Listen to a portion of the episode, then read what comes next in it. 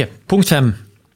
Telepati, den her er spennende. Eh, Og ESP, det må Ja. du kanskje forklare. Jeg tror alle har en viss idé om hva telepati er. altså At jeg står på punkt A, du står på punkt B.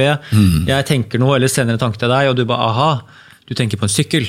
Ja. Yes, telepati. Ja. Men også ESP er vel en del av det her. Altså, Og du har også sagt sånn Er dette sånn telepati og ESP-fenomener er det er beviselig reelle? Ja, det er, be- er bevist ganske grundig at eh, vi kan ha telepatisk altså overføring av eh, informasjon mellom eh, to mennesker uten at de er i fysisk kontakt. Har du gjort det selv?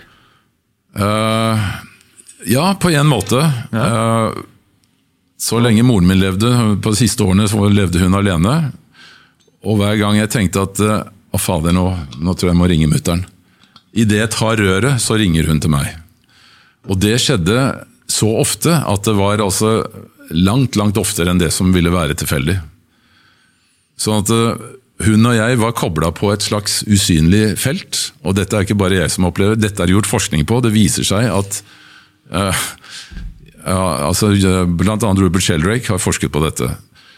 Han eh, klarte å bevise at hunder er i stand til å oppfatte når eieren bestemmer seg for å forlate kontorpulten og begynne å dra hjemover. Eh, Da går hunden og setter seg foran døra, i veldig mange tilfeller. Så hunder har en evne til å oppfatte sånne ting.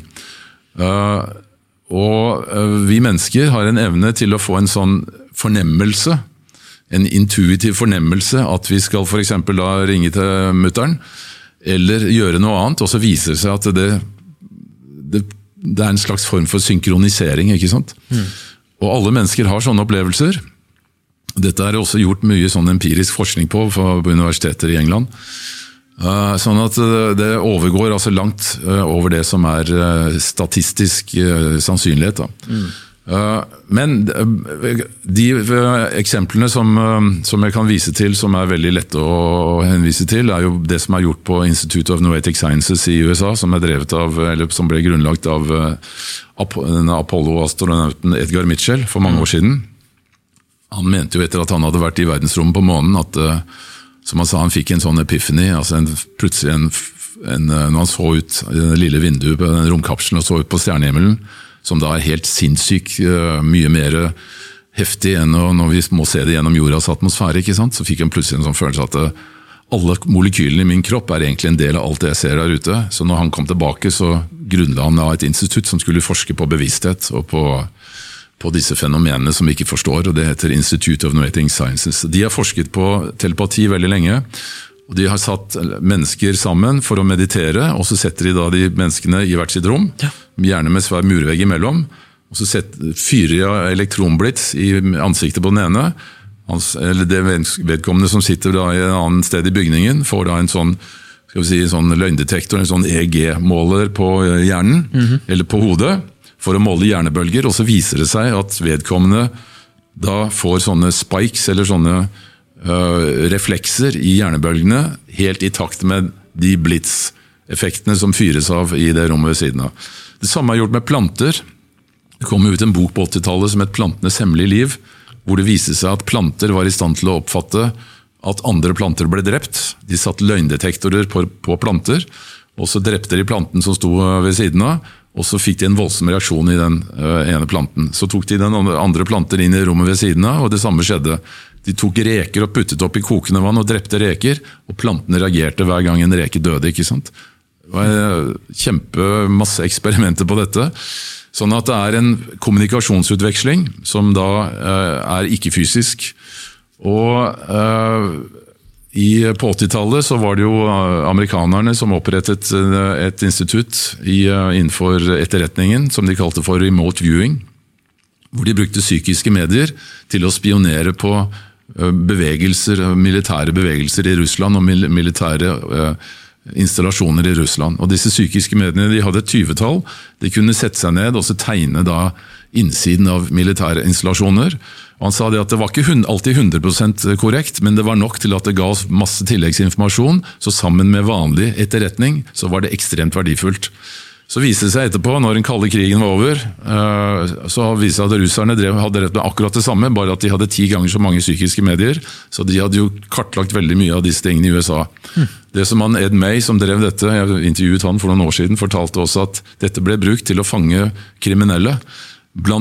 narkotikasmuglere som kom fra Bolivia i undervannsbåter de ble plutselig stoppet av den amerikanske kystvakten midt ute i Karibiske hav. og kunne ikke begripe hvordan de kunne ta dem, for de hadde ikke etterlatt noe spor.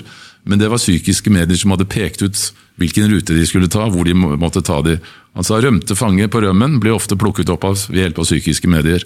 Så det, det sier at det er også en, et informasjonsfelt som eh, et usynlig, subtilt informasjonsfelt som vi er en del av, alle sammen. Og nå kommer vi snart frem til kjernen, helt på slutten her. Mm.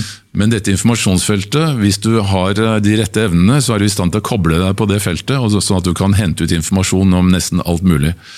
Eh, og dette brukes da altså bevisst innenfor etterretning. Og Det betyr at det virker. Og som Ed May sa, de kom, de kom stadig tilbake til oss med nye oppgaver. Mm. Fordi at det, det beviselig funket. ikke sant?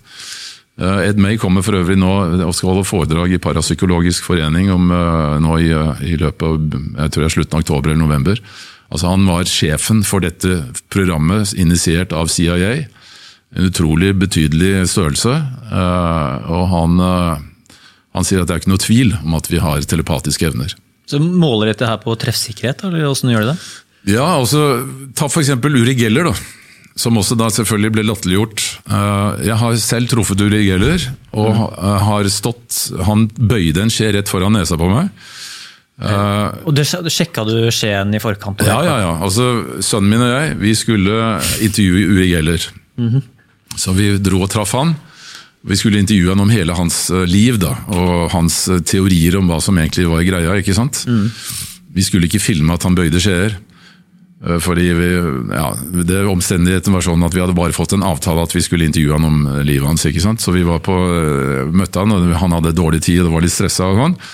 Men idet vi hadde pakket ned alt filmutstyret, så sier sønnen min plutselig du, jeg har tatt med en, en teskje fra kjøkkenskuffen. Kan du ikke bare prøve, liksom?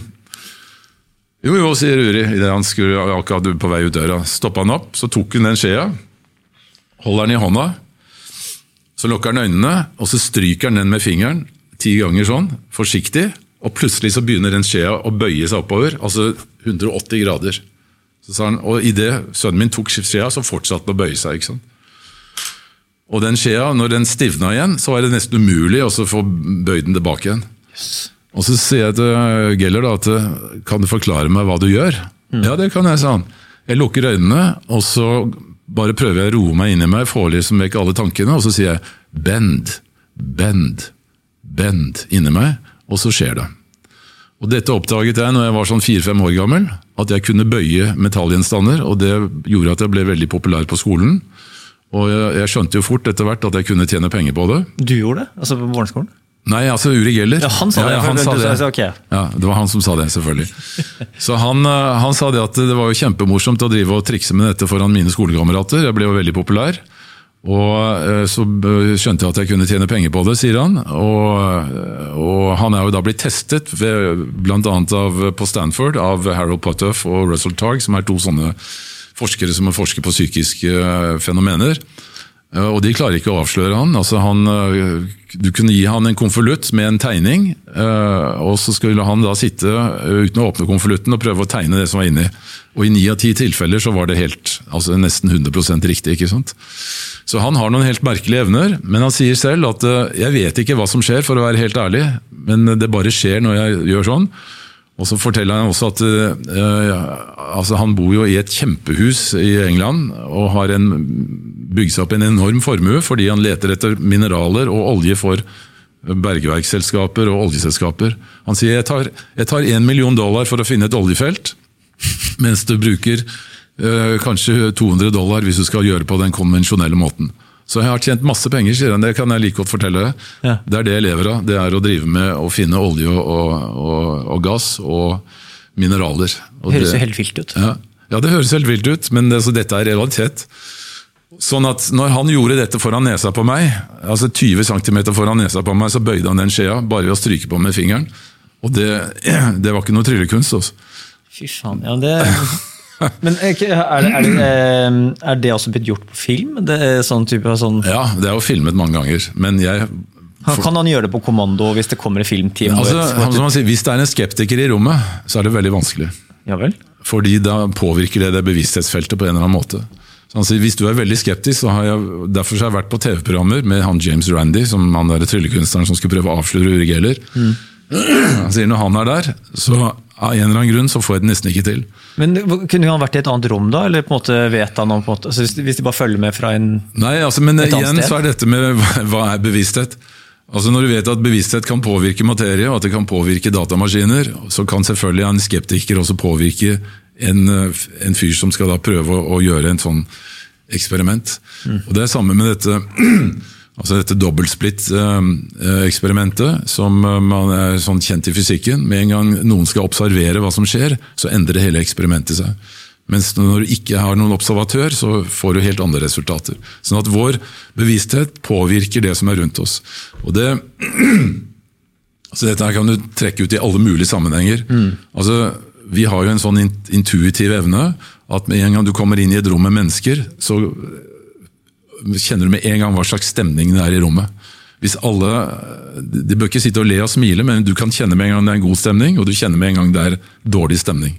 Altså, vi, vi fanger opp sånne signaler umiddelbart, og det er ikke bare fordi pga. det vi ser og hører, men det er informasjonsutveksling på et helt annet nivå. Og det er også det som skjer veldig mye inni kroppen vår. ikke sant? Så alt dette henger sammen i et helt sinnssykt komplekst system. Men bevissthet og tankekraft det er ikke begrenset til bare å være inne i skallen. Du, hjernen er like mye en sender og en mottaker som den er en enhet som styrer alle, alle de kjemiske, biokjemiske funksjonene i kroppen din. Mm. Ja, jeg, jeg, Yes. sitter, jeg sitter og tenker på egne opplevelser. sånt der. Jeg syns det, det er interessant. Det er eh, sånne ting som er uforklarlige. Det, det, det pirrer jo, og det, det får, meg, får meg til å tenke. Ja, altså det, nå var jeg nettopp på et eh, seminar i helgen som ble holdt i Oslo, hvor det kom tre engelske forskere, fra, eh, to av de var fra universitetet i Northampton, som underviser i det som eh, vi kaller for nær-døden-opplevelser og kommunikasjon med avdøde mennesker. Mm. Dette er forskere som er seriøse forskere, som sier at vi har ingen forutinntatte holdninger, vi bare går etter dataene. Og dataene forteller oss, da kommer vi kanskje til det neste punktet, at, at mennesker kan gå ut av kroppen og eh, gjøre observasjoner når hjertet har stoppet. Og de kan fortelle og gi ganske detaljerte beskrivelser av hva som har skjedd inne i operasjonsrommet. Hvilke leger som har vært der. eh, Leger som aldri har vært inne mens de har vært der selv. Altså Når de får hjertestans på operasjonsbordet, som ofte kan vare fem, eh, fem minutter, så, eh, og hvor liksom de i prinsippet er døde, da. Ja. så uh, forteller jo veldig mange at de går ut av kroppen, svever opp under taket og kan følge med på alt det som foregår. Og dette finnes det altså mm, titusen, hundretusenvis av beretninger om. Det er masse forskning på det. Masse flere universitetssykehus som har forsket på dette i lang tid. Det viser seg at 20% av mennesker som har hjertestans eh, i, i operasjonsrom, har disse opplevelsene. Og de opplevelsene er veldig parallelle. Altså De opplever veldig mye de samme tingene. Eh, og de opplever at de eh, går gjennom en slags tunnel hvor de ser livet passere i revy, og så møter de et utrolig kjærlig lys, og så møter de veldig mange av sine avdøde slektninger som forteller at deres tid er ikke kommet ennå, så de er nødt til å gå tilbake igjen. Men dette skjer altså Det er så parallelt. Om de lever i Norge, USA, eller i Japan eller Brasil, så forteller de akkurat de samme tingene. Sånn at eh, den empiriske forskningen på dette da, forteller at uh, sjelen, uh, eller bevisstheten din, den eh, altså den ikke-materielle delen av deg, den, er, den overlever den fysiske døden. Og den har sannsynligvis også et liv før du blir født. Sånn at virkeligheten består kanskje, ikke bare kanskje, men vest, veldig sannsynlig av flere dimensjoner. Da, hvor den fysiske er den én dimensjon, mens vi har også flere ikke-fysiske dimensjoner hvor, øh, hvor din jeg-bevissthet også da lever etter at du dør. Dette er Altså, det er skrevet hundrevis av bøker om det. Det er altså så ekstremt mange tilfeller, og alle forteller om veldig mye de samme tingene. Så ut fra det så er man nødt til å trekke konklusjonen at dette er ikke noe man bare kan avvise som hjernespinn, for da hadde det også vært like mange forskjellige varianter. altså Hvis folk skulle sitte og fantasere om hva de for å, å, Nei, det er um... du, du, tenker at, er, altså at vi har en, et jeg, et selv, eller en, en sjel som uh, forlater kroppen og går da inn i noe nytt? Som om det er et planteliv, om det er dyr, menneske, whatever? Nei, altså sånn som de forklarer, da, de som har opplevd dette. Og det er for så vidt det samme som hvis du bruker eh, psykedelika. Så kan du også ha veldig mye de samme opplevelsene at du går ut av kroppen. ikke sant? Og det, finnes jo også senter, eh, flere senter i, i verden som, hvor du kan gå og trene deg. Det tar ca. fire-fem uker. Så kan du lære deg teknikken med å gå ut av din egen kropp. Eh, så dette er veldig reelt. da. Og da kan du sveve rundt, og du kan dra og besøke moren din på den andre siden av landet. ikke sant? og se hva hun gjør. og Så kan du ringe til henne etterpå og si at ja, nå har jeg ser at du har fiskeboller til middag i dag, og så blir hun helt satt ut. Hvordan vet du det? Altså det, Dette er like naturlig som alt mulig annet. Det er bare det at vi, fordi vi ikke forstår det, så har vi definert det som paranormalt. ikke sant?